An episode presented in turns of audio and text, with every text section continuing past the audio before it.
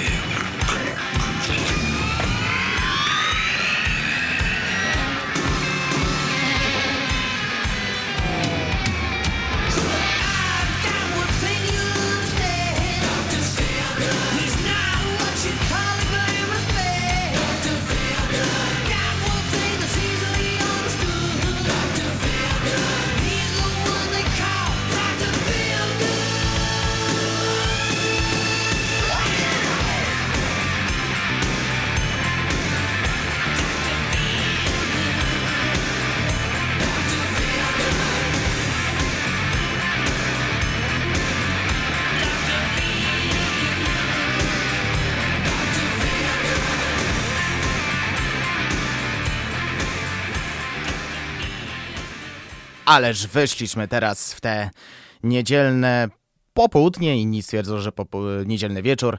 E, w każdym razie, na od 29 wydanie Resetu otwiera Dr. Feel Good zespołu Motley Crue z gry Flatout 2 z 2006 roku. Dzień dobry Państwu. Przy mikrofonie Szymon Tołpa i Tak jak było dotychczas w środę, teraz będzie do godziny 18, jak co niedzielę. Na 95,9 opowiadam, co dzieje się w świecie gier komputerowych w akompaniamencie growej muzyki. Trochę czasu minęło od ostatniego wydania informacyjnego, ale na szczęście jestem w odpowiedniej porze. E, przejdźmy do rozkładu dzisiejszej audycji. E, głównym tematem będą ceny konsol, bo pojawiły się potwierdzone informacje o podwyżce cen jednego sprzętu. Jakiego? Szczegóły e, w tym punkcie. Oprócz tego, growe informacje, w których między innymi o zabezpieczeniach dla Switcha czy o gitarzyście zespołu Lady Punk, który tworzy muzykę do gry wideo. E, dzisiaj nie będzie przeglądu premier, bo chcę się skupić na dwóch konferencjach, które odbyły się podczas targów Gamescom. I pierwsza część już za kilka minut. Jako, że płytą tygodnia w radiu UWMFM jeszcze dziś jest Will of the People zespołu Muse, to teraz posłuchamy dwóch utworów tej formacji. Won't Stand Down, który e, pojawił się, albo ma się pojawić, jeszcze nie wiem, zaraz zrobię szybki research, i powiem wtedy, czy, e, czy już jest, e, do, który, traf, który ma być albo pojawił się już w dodatku do Rock Band 4. Później będzie Sober z gry Gran Turismo 3 A-Spec.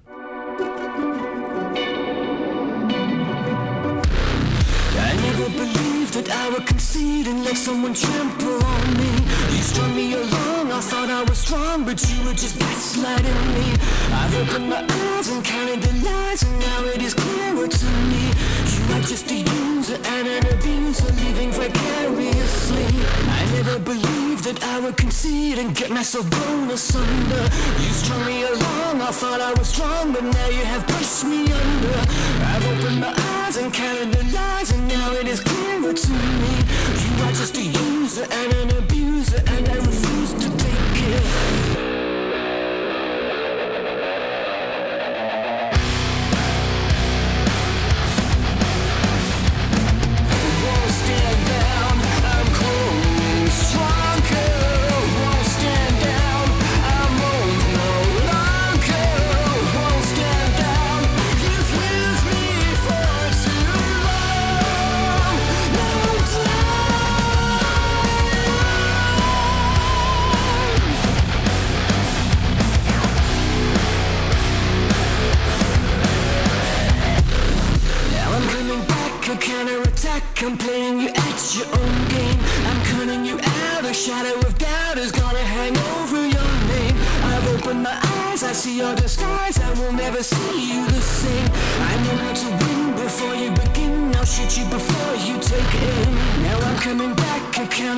counterattack A psychological war. I'm cutting you in, I'm under your skin. Now I'm gonna settle the score. I've opened my eyes, I see your disguise I will never see you the same.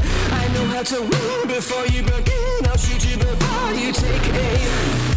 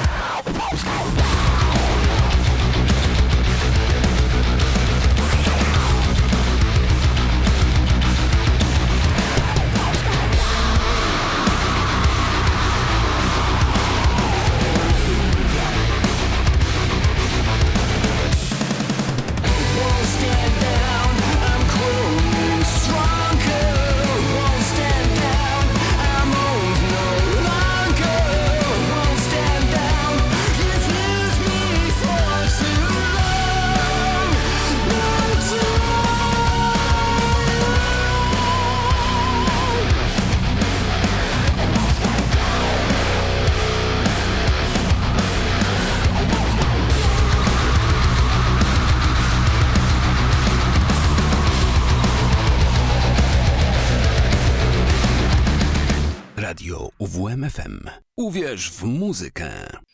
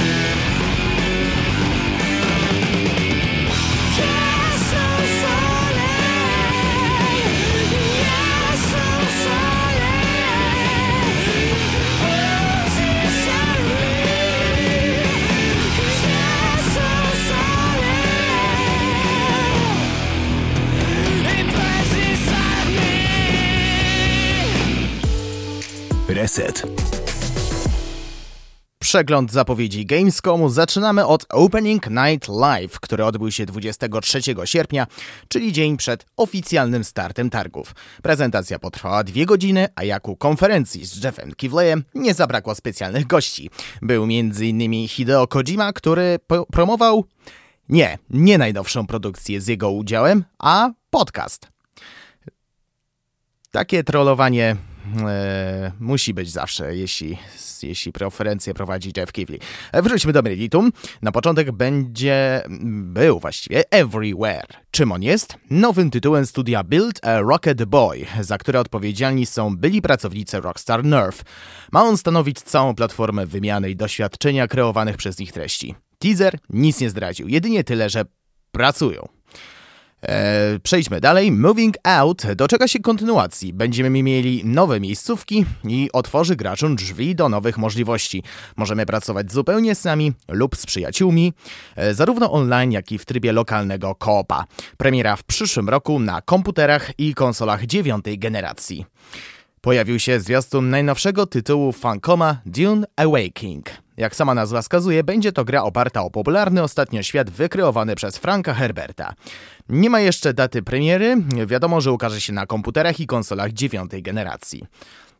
E, pojawił się nowy trailer The Callisto Protocol, który jest duchowym spadkobiercą Dead Space'a. Premiera już niedługo, bo 2 grudnia. I Potwierdziły się plotki, jakoby pierwszy duży dodatek do Dying Light 2 miałby zapierać nas na arenę gladiatorów. DLC ma opierać się na fabule, ale nie unikniemy emocjonujących pojedynków. Rozszerzenie pojawi się 13 października. Pokazano najnowszy zwiastun Sonic Frontiers, który może być najambitniejszą grą maskotki Segi. Ujawniono nową lokalizację i przede wszystkim datę premiery 8 listopada będą nowe Borderlandsy, a konkretniej Tales of the Borderlands. Kolejna odsłona ma już potwierdzoną datę premiery 31 października. Kolejnego trailera doczekał się Hogwarts Legacy, który nie tak dawno dostał obsuwę. Później był lekko zmodyfikowany zwiastun Return to Monkey Island, który dał istotną informację. Datę premiery. Gra ukaże się 19 września początkowo na komputerach i konsoli Nintendo Switch. Twórcy Detroit Become Human ogłosili na Gamescomie grową interpretację historii o miłości do morskich głębi. Wcielamy się w niej w Steve'a, nurka, który w wyniku życiowej tragedii popada w stopniowy e, morski obłęd. E, samotność i cierpienie będą pchać go coraz głębiej i głębiej, aż w końcu być może nie znajdzie już stamtąd wyjścia. E, w czerwcu mówiłem o trzeciej części koziego symulatora. W nowym trailerze pokazano gameplay, który wygląda no, tak jak powinien wyglądać. E, ci, którzy grali pierwszą część, pozdro dla kumatych. Gra pojawi się 17 listopada na komputerach i konsolach dziewiątej generacji. Deck 13, twórcy Souls-like'owego The Surge i doskonale znanego w naszym kraju Lords of the Fallen, zaprezentowali na Gamescomie intrygujący trailer zupełnie nowego IP. Wszystko wskazuje na to, że czeka nas ich kolejne podejście do formuły wypracowanej przez From Software. Premiera na komputerach i konsolach dziewiątej generacji w przyszłym roku. A skoro mowa o Lords of the Fallen, to będzie reboot. Nowy tytuł e, przygotowuje stworzone dwa lata temu studio Hexworks, wykorzystując do tego technologię Unreal Engine 5. Na stworzone dwa lata temu e, na Gamescomie zaprezentowano 3-minutowy zwiastun, w którym możemy usłyszeć Josepha Queena, aktora, który wcielał się ostatnio w Ediego Mansona w Stranger Things. Więcej o The Lords of the Fallen mamy dowiedzieć się jeszcze w tym roku. Sony natomiast zaprezentował nowy kontroler do PlayStation 5 DualSense Edge, który pod względem pierwowzoru jest dla maniaków kustomizacji. Możemy robić remapping wszystkich elementów, włącznie z dezaktywacją niektórych guzików, ale także w pełni dostosować czułość analogów, łącznie z określeniem martwych stref. Będzie się dało także dostosować czułość triggerów, żeby wystarczyło na przykład lekkie wciśnięcie. Kolejna rzecz to profile. Pozwolą one zmieniać nawet w locie nasze zestawy ustawień, trochę na wzór tego, co oferują gamingowe myszki i klawiatury. A w łatwym przełączaniu się, a także szybkim zmienianiu głośności ma pomóc nowy guzik FN. Data premiery i cena mają być ujawnione w nadchodzących miesiącach. Teraz będzie szok i niedowierzanie. Osiem lat po pierwszym zwiastunie pokazano kolejny trailer z gry Dead Island 2. Mało tego, był gameplay. I nawet ma datę premiery. Zombiaków będziemy bić 3 lutego przyszłego roku. Pokazano ko kolejny zwiastun Gotham Knights. Tym razem przedstawiono trójkę złoi. Harley Quinn, Clayface'a i Mr. Freeza. Ponadto w tę grę zagramy wcześniej, bo już 21 października. Reset. To wszystko jeśli chodzi o Opening Night Live. Oczywiście były również inne tytuły, ale nie starczyłoby czasu, szczególnie, że jeszcze wiele do omówienia. To jest druga konferencja i kwestia cen w konsolach. Teraz będzie utwór Growing Fear Filipe Waszeja z gry Alone in the Dark z 1992 roku.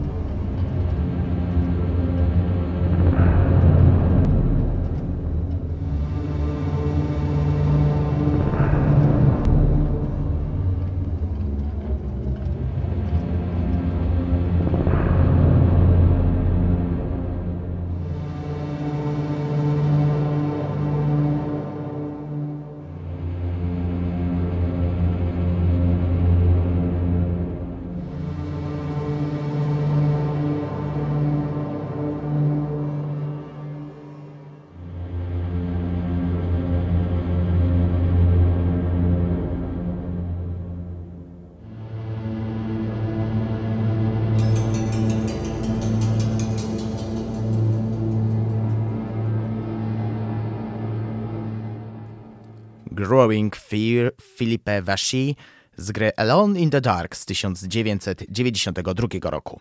A teraz czas na podsumowanie najważniejszych wydarzeń ostatnich 7 dni. Growe informacje.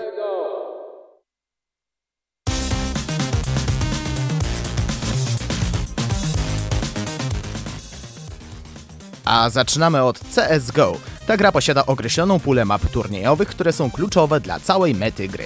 To na nich rozgrywana jest zdecydowana większość meczów o stawkę, zarówno między zwykłymi graczami, jak i drużynami e-sportowymi.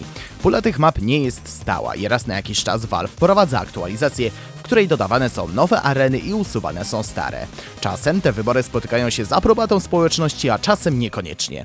Kilka dni temu na forum Reddit przeprowadzono głosowanie, w którym gracze wybierali swojego kandydata do odstrzału z grona najważniejszych aren CSGO. Wyniki są zaskakujące.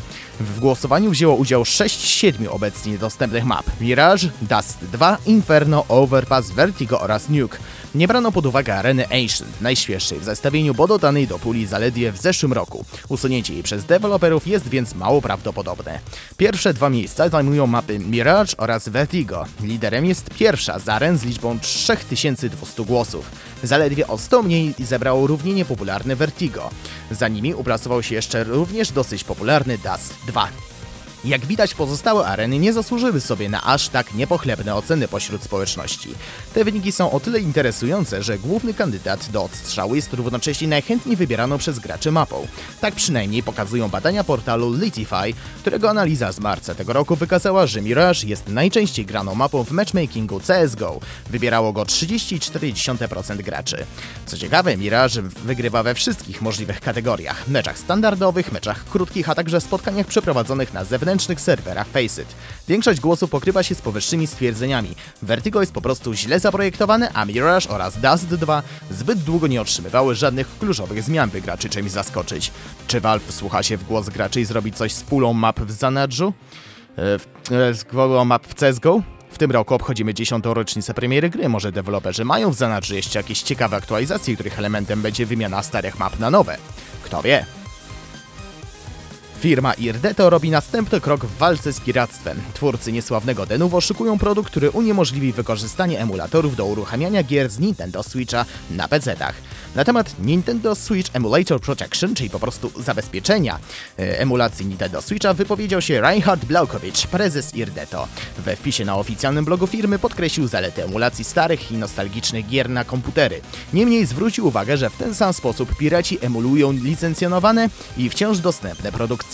Dlatego właśnie Irdeto uznało, że twórcom gier potrzebne jest nowe rozwiązanie. Wasze gry potrzebują zabezpieczenia. W niektórych przypadkach emulowanie gier jest nieszkodliwe, ale koniec końców to wciąż powszechna metoda piractwa. Zasada działania NSEP ma być prosta. Zabezpieczenie wykrywa różnice w działaniu aplikacji tym, jak została ona zaprojektowana. Jeśli zostanie wykryty dysonans, działanie gry zostanie zablokowane.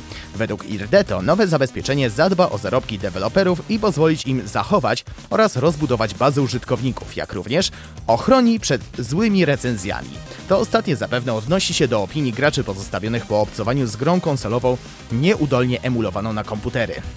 Biorąc jednak pod uwagę typowe reakcje internautów na implementację jakiegokolwiek DRM-u, włącznie czy wręcz przede wszystkim z Denuvo w grach, takie zapewnienie wydaje się być mocno na wyrost.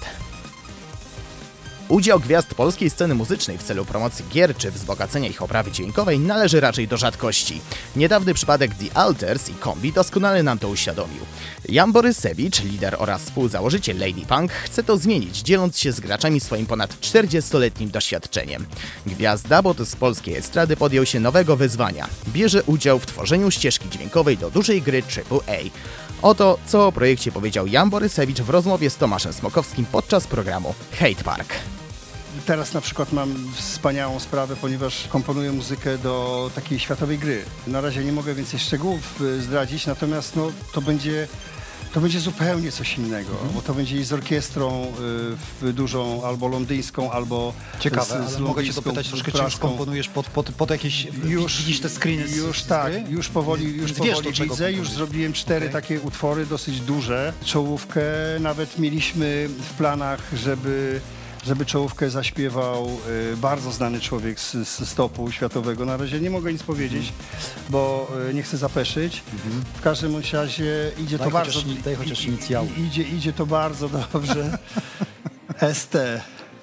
Idzie, idzie, to bardzo dobrze, więc ja cały czas pracuję. Za dwa tygodnie dostaję jakby już cały zgrany y, ten taki film, prawda, do który będzie to zrobione. To świetnie jest robiona y, ta produkcja. Bardzo się z tego powodu cieszę i no, no zobaczycie, że to jest zupełnie co innego niż, y, niż w Lady Punk, niż w Janie Bo.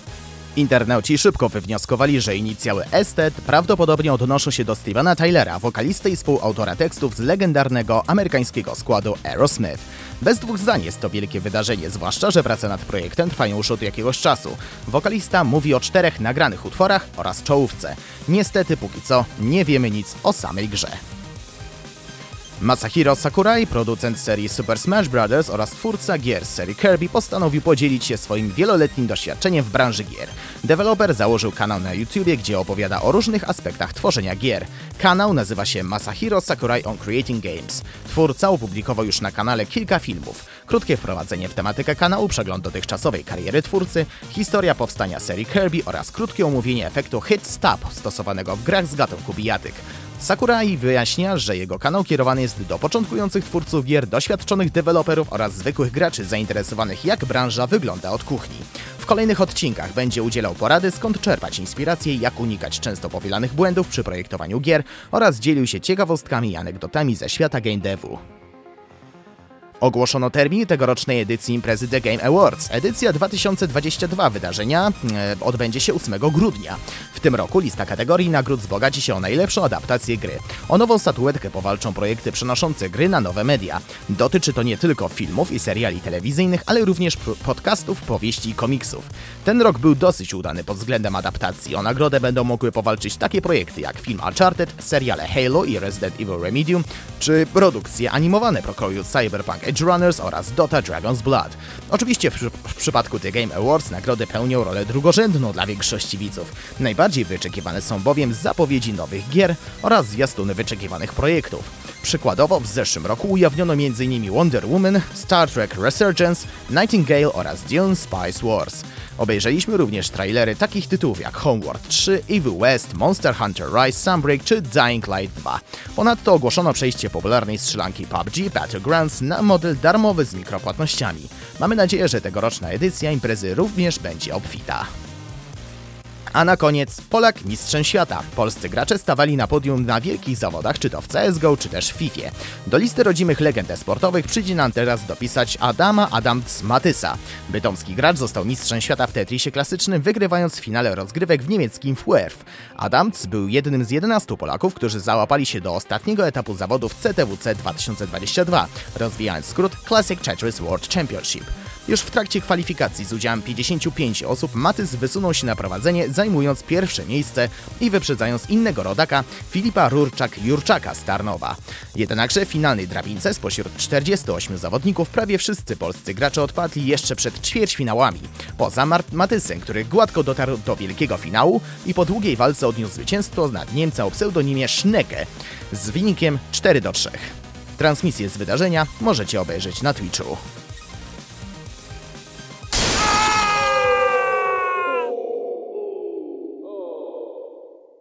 To wszystko w growych informacjach. Posłuchamy teraz dwóch utworów z gry DuckTales z 1989 roku: The Moon i African Mines, oczywiście w wersji 8-bitowej.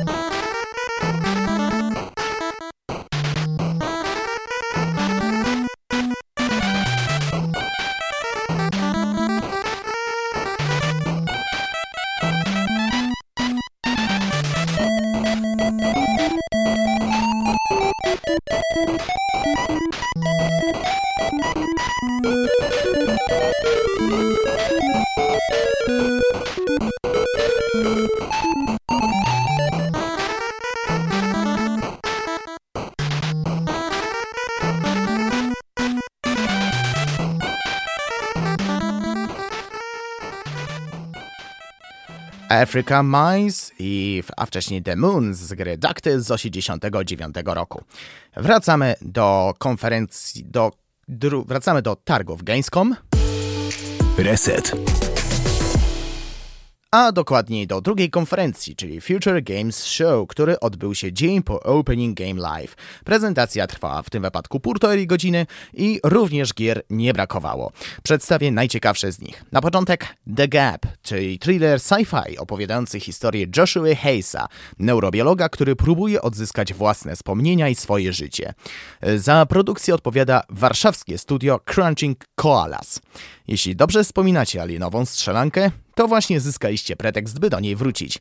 Dodatek Patogen opowie o tytułowym patogenie, który sieje zniszczenie na planecie LV-895. Oprócz nowej kampanii doda nową broń i umiejętności, a premiera miała miejsce już 30 e, sierpnia, czyli w ostatni wtorek. Bawiliście się figurkami za dzieciaka? Hypercharge pozwoli Wam się wcielić w jedną z nich. Strzelanka umożliwi zabawę dla jednego gracza oraz w koopie. Gra jest już dostępna na komputerach i konsoli Nintendo Switch, wkrótce ma trafić też na PlayStation i Xboxy. The Case of the Golden Idol to natomiast będzie rozpiksel rozpikselowaną grą detektywistyczną. Na dodatek poleca ją sam Lucas Pope, czyli twórca Papers, Please. Premiera jeszcze w tym roku, demo jest już dostępne. Jeśli chodzi o Snakoon, to jest dopiero ciekawe połączenie skradanka, w której wcielamy się w szopa, który poszukuje jedzenia nie tylko po śmietnikach. Premiera już wkrótce polskie, a do tego mroczne i da się wyczuć inspirację Skyrimem. Tainted Grail, The Fall of Avalon, najnowsza RPGowa produkcja wrocławskiego studia Awaken Realms. Wczesny dostęp ma ruszyć w ostatnim kwartale tego roku. I jeszcze jedna polska produkcja, tym razem od warszawskiego studia Vile Monarch. Floodland nie będzie grywalną wersją słynnego albumu The Sisters of Mercy, lecz city builderem osadzonym w postapokaliptycznych realiach świata zniszczonego zmianami klimatycznymi. Premiera na PC-tach już 15 listopada. The Last Case of Benedict Fox to Souls-like'owa Metroidvania z Lovecraftowym zacięciem trafi i trafi ona wiosną przyszłego roku na komputery i Xboxy. Potem był A Little to the Left i uwaga, zwiastun zawiera koty. W samej grze też mają odegrać istotną rolę, bo to właśnie one będą nam przeszkadzać. Przeszkadzać w łamigłówkach polegających na porządkowaniu naszego domu. Czyli mamy tutaj przeciwieństwo gry Stray. Premiera na PC już 8 listopada. Trzecia część Goat Simulatora pomijam, bo już wcześniej była o tym mowa. W Airbnb Shadow Legacy mamy do czynienia z połączeniem platformówki ze skradanką. Premiera w przyszłym roku na, komput- na PC-tach i Xboxach. Komuś zabiło szybciej serce na wspomnienie kultowych dungeon crawlerów Tech? The Five Orders to oficjalne angielskie tłumaczenie gry z 2006 roku, które już jest dostępne na Steamie we wczesnym dostępie. Jeśli chodzi o Solstice, to mamy tutaj niespodziankę, bo dzieło Reply Game Studios objęła nie tylko nowy trailer, lecz także udostępnienie dema na Steamie. Pełna wersja zawita na komputerach i konsolach dziewiątej generacji już 20 września. After Image, urzekająca Metroidvania studia Aurogon Shanghai ukaże się już tej zimy na PC-tach, konsolach PlayStation 4, us, konsolach 8 i 9 generacji, najprościej rzecz ujmując. Później był Deliver to Mars. Nowy trailer ukazuje szczegóły nowej misji, e, która nas czeka, a na ten tytuł poczekamy jeszcze do 2 lutego tego e, przyszłego roku. Gra trafi na PC, PlayStation 4 i 5 oraz Xbox One i Series. Teraz będzie Hotel Architect, czyli kolejna Metroid... Dobra, bez żartów. Tytuł raczej mówi wam o tej produkcji już wszystko. Pathos Interactive przygotowuje grę z myślą o Steamie, daty premiery na razie brak.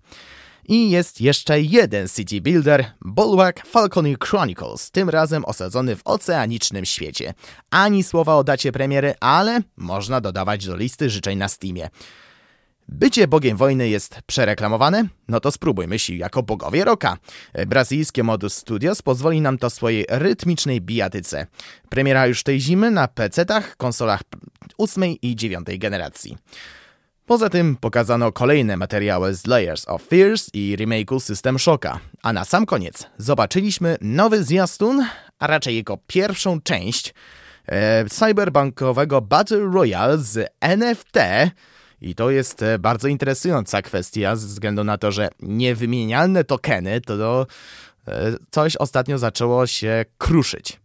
E, a jeśli chodzi o tytuł, jest od Nila Blomkampa, twórcy filmu District 9.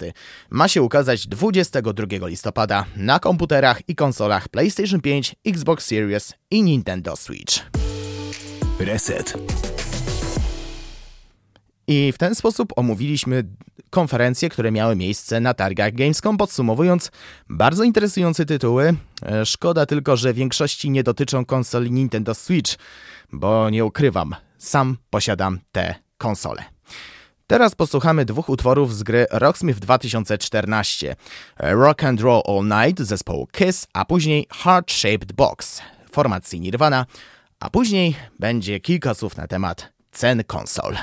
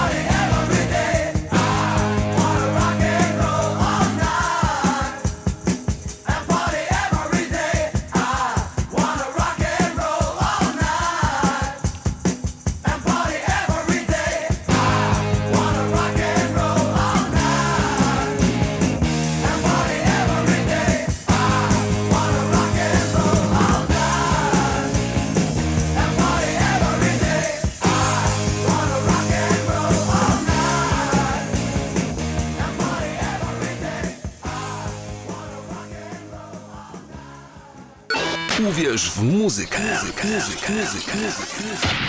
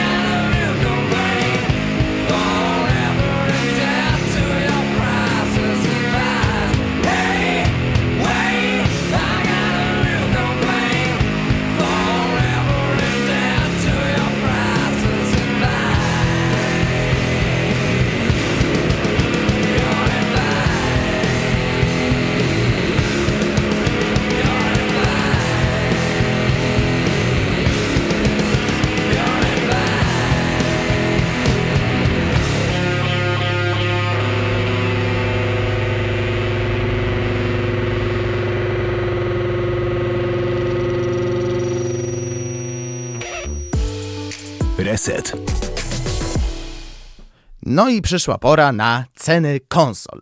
W momencie wejścia dziewiątej generacji koszty wyglądały następująco. E, PlayStation 5 w wersji cyfrowej 1849 zł, w wersji z napędem optycznym 2299 zł, Xbox Series X za 2249 zł, Xbox Series S 1399 zł. Y, dodam jeszcze, że moment wejścia 9 generacji to jest listopad 2020 roku. Nintendo Switch w wersji zwykłej 1349 zł. W wersji Lite 899, w wersji OLED i tutaj mm, dodam, że mm, ta wersja została wprowadzona w 2021 1849 zł. Jak się zmieniło w ciągu prawie dwóch lat? Niestety pandemia koronawirusa spowodowała problemy z komponentami, a co za tym idzie, ograniczony dostęp do konsol. A jeśli podaż jest większy niż popyt, no to wiadomo, że ceny prędzej czy później pójdą w górę. Tak było przecież z chociażby cukrem ostatnio. Co yy, i tak jest przynajmniej w Polsce, kiedy gwałtownie rosły ceny konsol PlayStation 5. Co jeszcze ciekawsze, najdroższe były zestawy, których nikt nie chciał. Ja nie wiem dlaczego, przecież jeśli ta gra była w wersji fizycznej, no to kupujący mógł równie dobrze sprzedać już po zakupie, a za zarobione za to pieniądze kupić inną. Wracając do tematu. Dlaczego o tym mówię? Ze względu na sytuację ekonomiczną e, na świecie, Sony zdecydowało się zwiększyć ceny swoich konsol na wybranych rynkach, choć w praktyce prawie na całym świecie, w tym również w Polsce. Upiekło się natomiast przykładowo z USA. Japoński gigant podzielił się wszystkimi szczegółami na oficjalnym blogu o jak... blogu. O jak dużym wzroście mówimy? Sony naturalnie udostępniło listę konkretnych cen, która mówi, że w Europie musimy się teraz liczyć z kwotą około 2140 zł za podstawową wersję cyfrową i 2618 zł za edycję z napędem. Sony podało ceny w euro i różnica między nowymi a starymi wynosi 50 euro, czyli jakieś 238 zł. Teoretycznie mamy więc do czynienia z dość sporą przebitką, choć określenie jednoznacznej ceny PS5 w Polsce nie jest tak proste, ponieważ wszystkie sklepy upychają konsole do najróżniejszych nieopłacalnych zestawów, e, o których mówiłem wcześniej, i to też trzeba wziąć pod uwagę. Można się było tego spodziewać, ale nie ma co liczyć, że informacja o wzroście cen spotka się ze zrozumieniem ze strony graczy. Sony twierdzi, że taką decyzję wymusiła sytuacja ekonomiczna i inflacja, która wpływa na ich firmę. Z drugiej strony Jim Ryan i spółka są z pewnością świadomi, że obecnie rynek błyskawicznie pochłonie każdą liczbę wyprodukowanych konsol, więc może sobie pozwolić na wyższe ceny. A jak zareagowała konkurencja? Nintendo jeszcze przed tą informacją poinformowało, że ceny Switchów pozostaną bez zmian. A oto wyjaśnienie prezesa giganta z Kyoto Shuntaro Furukawy. I, e, nie rozważamy podwyżki ceny z dwóch powodów. Po pierwsze, chcąc zaoferować unikalną rozrywkę szerokiemu gronu klientów, chcemy uniknąć wyceniania ludzi. Po drugie, naszym atutem i konkurencją dla innych marek jest fakt, że Switch to różnorodna rozrywka na świecie. Zawsze myślimy o cenie za, za nasze produkty w skali globalnej, porównując je do wartości zabawy, którą oferujemy. A jak, a co na to największy konkurent Sony? Microsoft, podobnie jak Nintendo, nie przewiduje podwyżek cen Xboxów Series. Jak czytamy w komunikacie, nieustannie oceniamy nasze interesy, aby zaoferować fanom jak najlepsze możliwości związane z graniem. Sugerowana cena naszego Xboxa Series S zostanie utrzymana na poziomie 299 dolarów, 250 funtów, 300 euro, a Xboxa Series X na poziomie 499 dolarów, 450 funtów, 500 euro. Wychodzi więc na to, że w tej chwili to Sony wygląda wygląda na tę najgorszą firmę. Japończycy jednak z pewnością doskonale zdają sobie sprawę z tego, że mogą sobie pozwolić na podwyżki cen. Bo i tak, ile konsol nie udałoby im się dostarczyć na rynek, to szybko utoną w morzu potrzebujących graczy. Kiedy możemy się doczekać spadków? Nieprędko. Przede wszystkim trzeba sprawdzać informacje dotyczące inflacji zarówno w Polsce, jak i najważniejszych krajach pod względem gospodarczym, np. USA i Japonia. Jeśli w tych państwach wskaźniki będą spadać, to można się spodziewać spadków cen także w naszej ojczyźnie. Ale tak jak mówiłem, to też zależy od wskaźnika inflacji. Reset. I to wszystko w 29. wydaniu Resetu, a na zakończenie e, w, witam w studiu Mateusza Sikorskiego. Można powiedzieć debiutanta, chociaż już e, prowadził jedną audycję w radiu UWMFM, czyli Numetologię. Witaj Mateuszu. Dzień dobry bardzo. E, za 6 minut rozpocznie się, mm, tak jak mówiłem wcześniej, nowa audycja zatytułowana Kociołek Melomana. O czym on jest? E, tak naprawdę ten kociołek e, mm, jest w pewnym sensie magiczny, bo zwykle z kociołka wyciąga się jakieś dania, zupy, mięso gotowane, a z tego kociołka wyciągamy muzykę. Świetne dźwięki, które płyną z różnych stron świata Przepraszam, muszę, muszę pozwolić. Czy to będzie tak jak z tym, że po prostu yy, yy, kojarzysz Asterixa? E, tak, czy to jasne, będzie tak kojarzę, samo z, Czy będzie tak z Obelixem? E, nie, spokojnie, choć jestem trochę szerszy, to nie wpadłem do kociołka. Z napojem muzycznym, e, wiedzy muzycznej uczyłem się e, sam z siebie, no i teraz chcę ją przedstawić między innymi w tej audycji. A co dzisiaj będzie? A dzisiaj porozmawiamy sobie o, e, co ciekawe, naszej e, płycie tygodnia e, Muse, Will of the People, która szczerze mówiąc nie przypadła mi za bardzo do gustu. A dlaczego? Wyjaśnię już za 6 minut. Już za 5. Mat a właściwie za 4. Zaraz będzie 3, 2, 1, koniec. Mateusz Sigorski, bardzo dziękuję. Jeszcze raz powiedz, bo wyłączyłem. Dziękuję. Na koniec zostawiam was z utworem Zespołu Muse Supermassive Black Hole z FIFA 07 z 2006 roku, a ja tylko przypominam, że Reset pojawiać się będzie dwa razy w tygodniu, w niedzielę o 17 oraz w środę o godzinie 19. Ja już dziękuję za dziś. Przy mikrofonie mówił dla Was Szymon Tołpa. Kłaniam się Państwu i do usłyszenia w środę.